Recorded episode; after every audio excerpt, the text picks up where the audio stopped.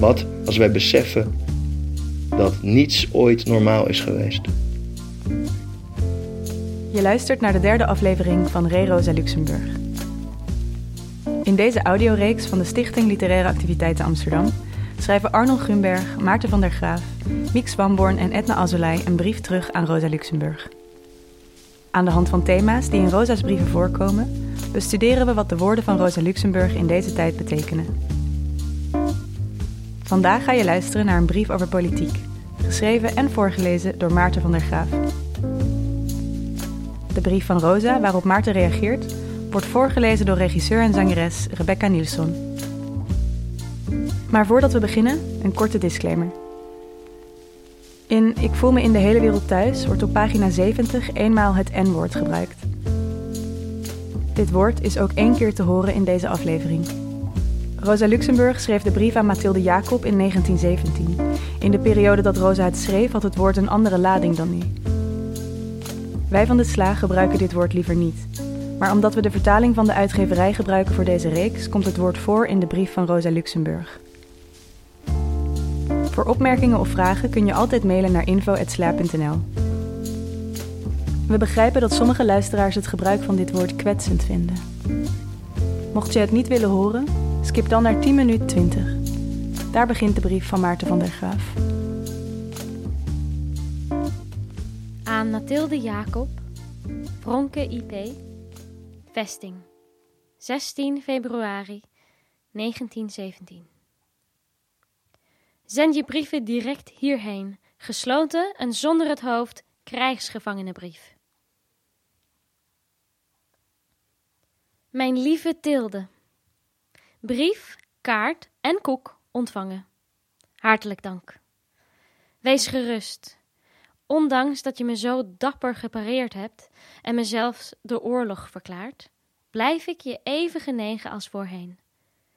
Dat je me bestrijden wilt, heeft me aan het lachen gemaakt. Meisje, ik zit vast in het zadel. Mij heeft nog niemand in het zand doen bijten. Naar degene die dat kan, ben ik nieuwsgierig. Ik moest echter nog om een andere reden lachen. Omdat je er helemaal niet op gesteld bent mij te bestrijden en ook politiek gezien veel meer aan mij hangt dan je jezelf wilt toegeven. Ik zal voor jou altijd het kompas blijven, omdat jouw oprechte natuur je zegt dat ik het meest onwankelbare oordeel heb. Immers, bij mij vallen alle storende nevenfactoren weg, die het oordeel van anderen vertroebelen. Vreesachtigheid, routine, parlementaire kromgroei. Jouw hele argumentatie tegen mijn wachtwoord, hier sta ik, ik kan niet anders, loopt op het volgende uit. Goed en wel, maar de mensen zijn te zwak en te laf voor zo'n heldendom. Ergo, men moet de tactiek aan hun zwakheid en het principe chi va piano va sano aanpassen. Wat een bekrompen historische blik, mijn lammetje. Er is niets veranderlijker dan de menselijke psychologie. Vooral de psyche van de massa bevat altijd, als Taletta de eeuwige zee, alle latente mogelijkheden dodelijke windstilte en bruisende storm, nederigste lafheid en het wildste heroïsme. De massa is altijd dat wat zij naar de tijdsomstandigheden moet zijn. En zij staat altijd op het punt iets totaal anders te worden dan ze schijnt te worden. Een mooie kapitein die zijn koers slechts overeenkomstig het tijdelijke voorkomen van een wateroppervlak zou varen en niet in staat zou zijn uit te tekenen aan de hemel en in de diepte naderende stormen af te leiden. Mijn kleine meisje, de teleurstelling over de massa, is altijd de meest blamerende getuigenis van de politieke leider. Een leider van formaat stelt zijn tactiek niet op de toevallige stemming van de massa, maar op de ijzeren wetten van de ontwikkeling. Houd aan zijn tactiek vast, ondanks alle teleurstellingen, en laat voor de rest rustig de geschiedenis haar werk tot volkomenheid brengen. Daarmee zullen we de debatten afsluiten. Je vriendin blijf ik graag. Of ik, zoals je wilt, je lerares blijf, hangt van jou af. Je herinnert me aan een avond, zes jaar geleden, toen we samen aan het Slachtenmeer op de kometen wachten. Merkwaardig. Ik kan het me absoluut niet meer voor de geest halen. Maar een andere herinnering roep je wakker. Ik zat in der tijd op een oktoberavond met Hans Kautsky, de schilder, aan de havel, recht tegenover het Pauweneiland. En wij wachten ook op de kometen. Er heerste al diepe schemer, doch aan de horizon brandde nog een sombere purperen veeg, die zich in de havel weer spiegelde, en het watervlak in een groot roze blad veranderde. Een licht briesje streek er overheen en rimpelde donkere schubben op het water, dat met een zwerm zwarte vlekken bezaaid was. Het waren wilde eenden die op hun tocht op de havel uitrusten, en hun gedempte kreten, waarin zoveel verlangen en verte hoorbaar waren, aan ons lieten horen. Het was een wonderlijke sfeer, en wij zaten zwijgend als betoverd. Ik keek naar de havel, Hans toevallig naar mij. Plotseling vloog hij ontsteld op en greep mijn hand. Wat is er met je aan de hand? riep hij. Achter zijn rug was namelijk een meteoor neergekomen en had mij met fosforgroen licht overgoten, zodat ik bleek werd als een dode. En omdat ik bij het zeldzame schouwspel, dat voor hem onzichtbaar was, heftig ineenkromp, dacht Hans niet anders dan dat ik stervende was. Hij maakte later van de avond aan de havel een mooi groot schilderij. Dat jij voor niets tijd en zin hebt op het ogenblik dan voor dat ene punt, te weten de partijmisère, is fataal. Want zo'n eenzijdigheid vertroebelt ook het politieke oordeel. En voor alles moet men te alle tijden als volledig mens leven. Maar zie, meisje, wanneer je er al zo zelden toe komt een boek ter hand te nemen, lees dan ten minste alleen iets goeds en niet zulke kitsch als de Spinoza-roman die je me stuurde. Wat heb je voor met speciaal jodenleed? Mij staan de arme slachtoffers van de rubberplantages in Putumayo, de negers in Afrika, met wier lichamen de Europeanen vangbal spelen, precies even na. Weet je nog het motto van het werk van de grote generale staf over de veldtocht in de Kalahari? En het rochelen van de stervende, het waanzinnig schreeuwen der versmachtenden, stierven weg in de verheven stilte der oneindigheid. O, deze verheven stilte der oneindigheid, waarin zoveel kreten ongehoord wegsterven, zij klinkt in mij zo sterk dat ik geen bijzondere hoek voor het ghetto heb. Ik voel mij in de hele wereld thuis, waar er wolken en vogels en mensentranen zijn. Gisteravond waren er wonderlijke roze wolken boven mijn vestingmuur. Ik stond voor mijn getralied venster en reciteerde voor mezelf mijn lievelingsgedicht van Meurike. In een vriendelijk stadje kom ik aan. Rood doet de avond over straten gaan.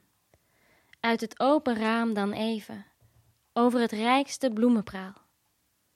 Hoor je, ver weg, klokgelui van goud nog zweven. Eén mensenstem lijkt wel de koorzang van de nachtegaal. Zodat de bloemen beven, zodat de geuren leven, zodat de rozen in hun rood nog sterker stralen. Ik hield stil, beduust, door lust bevangen. Hoe het mij lukte de poort uit te gaan? Ach, ik weet het zelf werkelijk niet. Toen daar, wereld in stil verschiet. De hemel is van purper luid gevuld, en achter mij de stad in gouden waas. Hoe ruist de Elzebeek? Hoe ruist de grond van de molen vervuld? Buiten zinnen lijk ik wel, dronken gevoerd. O muze, je hebt mijn hart beroerd met jouw liefdesban. Zo, en nu vaarwel, mijn braaf goed meisje. De hemel weet wanneer ik er weer aan toe kom je een brief te schrijven. Ik heb nu geen zin om te schrijven. maar deze was ik je schuldig. Kus krachtige handdruk, je er.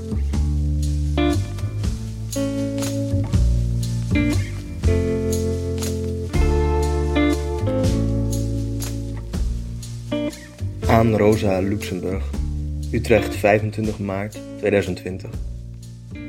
Beste Rosa. Het is een goede tijd om jou een brief te schrijven, denk ik. Al bestaan er waarschijnlijk geen slechte tijden om dat te doen. Ik dicht de doden veel wijsheid en kennis toe, dus ik bespaar je de journalistieke samenvatting van de recente gebeurtenissen rond de uitbraak van het virus COVID-19. Nog een goede reden is dat ik deze brief schrijf tegen betaling. Veel van mijn werk is weggevallen, dus spreek ik deze brief in op een telefoon en verzend hem op veilige afstand naar de redactie. Rosa, twee woorden uit je boek De accumulatie van het kapitaal blijven de laatste dagen aan me plakken. Elastisch en spasmodisch. De politiek rond de uitbraak van het virus maakt veel dingen elastisch en spasmodisch. De ervaring van tijd die wordt uitgerekt, maar ook op een reeks krampen lijkt, in een combinatie van het eindeloze en het acute, de praktische en ideologische desoriëntatie. Jij gebruikt deze woorden om het proces kapitaalaccumulatie te beschrijven. Neem me niet kwalijk dat ik je in het Engels citeer. The process of accumulation, elastic and spasmodic as it is, requires inevitably free access to ever new areas of raw materials. Dit bijzonder heldere inzicht gaf je een andere kijk op imperialisme en kolonialisme de arbeid van tot slaafgemaakte, op de dynamiek van een systeem dat in jouw woorden niet op zichzelf kan bestaan. Welke nieuwe gebieden worden er ontgonnen, elastisch, spasmodisch, nu wij thuis zitten? In een wat bevoogdende brief aan Mathilda Jacob van 16 februari 1917 schrijf jij het volgende over de massa. De massa is altijd dat wat zij naar de tijdsomstandigheden moet zijn, en zij staat altijd op het punt iets totaal anders te worden dan ze schijnt te worden. Het is vooral dat op het punt staan om iets totaal anders te worden dan ze schijnt te worden, waar ik bij opveer. Mathilde moest volgens jou als politica niet de massa de schuld geven van moeilijkheden. Ze moest zich vooral houden aan de ijzeren wetten van de ontwikkeling en dan zou de geschiedenis haar werk wel tot volkomenheid brengen. Wij delen het vertrouwen in die ijzeren wetten niet. Maar je gedachte dat wij voortdurend op het punt staan anders te worden, lijkt heel dringend nodig. Wat gaat er in deze tijd met ons en tussen ons gebeuren? En dan is de onderliggende vraag hoe het woord ons kan worden gebruikt, zonder dit woord tot stand te laten komen op de dood van mensen die er niet bij horen. Al deze dingen waar ik je mee lastig val, schrijven denk ik binnenshuis. Een plek waar we hier in Nederland nog meer tijd zullen doorbrengen als de maatregelen worden aangescherpt. De quarantaine, de lockdown, social distancing. Met welke politieke vormen hebben we hier eigenlijk te maken? Wie profiteert er van de bijbehorende paniek? Veel stemmen, waaronder die van Naomi Klein, de auteur van boeken als The Shock Doctrine, beschrijven hoe crises politiek kunnen worden benut om financiële deregulering door te voeren en een nieuwe ronde van bail-outs voor grote bedrijven, om de vrijheid van burgers in te perken en sociale zekerheid te privatiseren. Ik kijk naar een veelzeggend fragment waarin vertegenwoordigers van grote bedrijven als Walmart in bijna religieuze bewoordingen hun concurrentiestrijd neerleggen om de grote concurrent te verslaan, het coronavirus. Toch is er, volgens velen, juist onder deze omstandigheden, die niet uit de lucht komen vallen, maar, zoals Bram Ive en Jan Overwijk onlangs in de Groene Amsterdammer schreven, een mutatie zijn van het mondiaal neoliberaal kapitalisme zelf, ook een nieuwe politiek mogelijk. De strijd is niet beslist over welke wereld hieruit ontstaat, of op korte termijn wie er hulp krijgen in deze crisis, grote bedrijven en instanties of de werkende en werkelozen, de mensen in thuisquarantaine of zonder huis. Zo blijven mijn gedachten door steeds net iets andere doolhoven rennen. Een systeem in lockdown met een shut-in economy. Hoe moet ik deze nieuwe begrenzingen begrijpen, doorvoelen, nu gevoelens zo elastisch en spasmodisch zijn. Er zijn momenten van ongeloof en grimmigheid. Hoe je ook kijkt naar de huidige maatregelen, zeker is dat zelfs een kleinschalig protest tegen de Nederlandse regering op dit moment zwaar zou worden beboet. Ook ben ik bang dat er een quasi-spirituele zelfgenoegzaamheid over mij en anderen zou kunnen neerdalen. Verliefd worden op je eigen plaatsgebondenheid zou een ontkenning inhouden van levens die iedere dag bepaald worden door plaatsloosheid en fundamentele instabiliteit. Levens waarin dit soort crises niet nieuw zijn en eindeloosheid al lang zijn intrede heeft gedaan. Die zelfgenoegzaamheid zou zich in de hogere middenklasse kunnen vertalen in idealen van soberheid, zuiverheid en dienstbaarheid. Kijk ons eens moderne monniken zijn, nog altijd productief, nog altijd niet dik, maar met goed onderhouden lijven, met misschien iets meer tijd voor contemplatie zelfs, maar nog altijd in dienst van dezelfde goden, monniken in huispak. Dit doet me denken aan de manier waarop jouw leven en jouw gevangenschap soms worden geromantiseerd. Hoe jij gevaar loopt om als humanistische heilige onschadelijk te worden gemaakt. Want hoe mooi je brieven ook zijn, je verloor, werd vastgezet, vermoord. Het volgende was barbarij. Met een onbestemde angst hoor ik mijzelf en anderen oordelen over de mensen die naar buiten willen en zich niet aan de maatregelen houden, al vind ik het ook echt niet verstandig en niet solidair. Maar toch, even krijg ik zicht op een verontrustende gehoorzaamheid in mijzelf. Ik ben trouwens benieuwd hoe lang het duurt voordat ik geen boek, film of serie meer kan zien. Jij raadt in je brief Mathilde Jacob aan voor alles, te alle tijden, als volledig mens te leven en goede boeken te lezen, geen kitsch, waar je op laat volgen dat in jou de verheven stilte der oneindigheid klinkt, waarin zoveel kreten ongehoord wegstierven. Wat is volledig mens zijn zonder anderen? Hier is alles te downloaden, alles te consumeren, maar wat klinkt er in mij? Een alledaags soort stilte, dat zeker, en ik twijfel er niet aan dat daar kreten in wegsterven. Het is ook een politiek denken over afstand, waar je hierop lijkt te doelen, een denken over de gelijktijdigheid van verschillende specifieke vormen van lijden. Ook dit lijkt me voor dit moment instructief. Maar wanneer worden lezen en schrijven, het kijken van films of het lezen van hoogst actuele artikelen over de situatie nu vormen van verdoving, om die stilte van de oneindigheid maar niet te hoeven horen? Nog even een terzijde, want het zijn de terzijdes in jouw brieven die me gelukkig maken. In je schrijven aan Mathilde Jacob gaat het me om een herinnering aan een avond met de schilder Hans Kautsky. Jullie zaten in de schemer langs de havel en hoorden wilde eenden. Hun gedempte kreten, schrijf je, waarin zoveel verlangen en verte hoorbaar waren. Nooit heeft iemand dat geluid zo mooi beschreven. In het laatste hoofdstuk van de accumulatie van kapitaal schrijf je over het militarisme als aantrekkelijk gebied voor accumulatie. De productie van nieuwe wapens en technologieën is een betrouwbaar domein voor kapitalisten. En wat is er beter dan collectieve paniek en een permanente noodtoestand om olie op dat vuur te gooien? De angst is dat deze opschorting van het openbare leven en mogelijk ook van democratische waarden en procedures, die passen in de genormaliseerde reeks uitzonderingen, het surveilleren, monitoren en screenen van mensen onder de noemer terrorismebestrijding, nieuwe terreinen zullen creëren voor ons globale economische systeem, dat altijd op zoek is naar nieuw gebied. In datzelfde hoofdstuk schrijf je: The more ruthlessly capital sets about the destruction of non-capitalist strata at home and in the outside world, the more it lowers the standards of living for the workers as a whole. The greater also is the change in the day to day history of capital. It becomes a string of political and social disasters and convulsions. Under these conditions, punctuated by periodical economic catastrophes or crises, accumulation can go on no longer. Een reeks politieke en sociale rampen, periodieke crises en catastrofes. Die tijd is ook onze tijd, elastisch en spasmodisch. Als er steeds minder nieuwe gebieden zijn, kun je de bekende terreinen altijd anders proberen in te richten.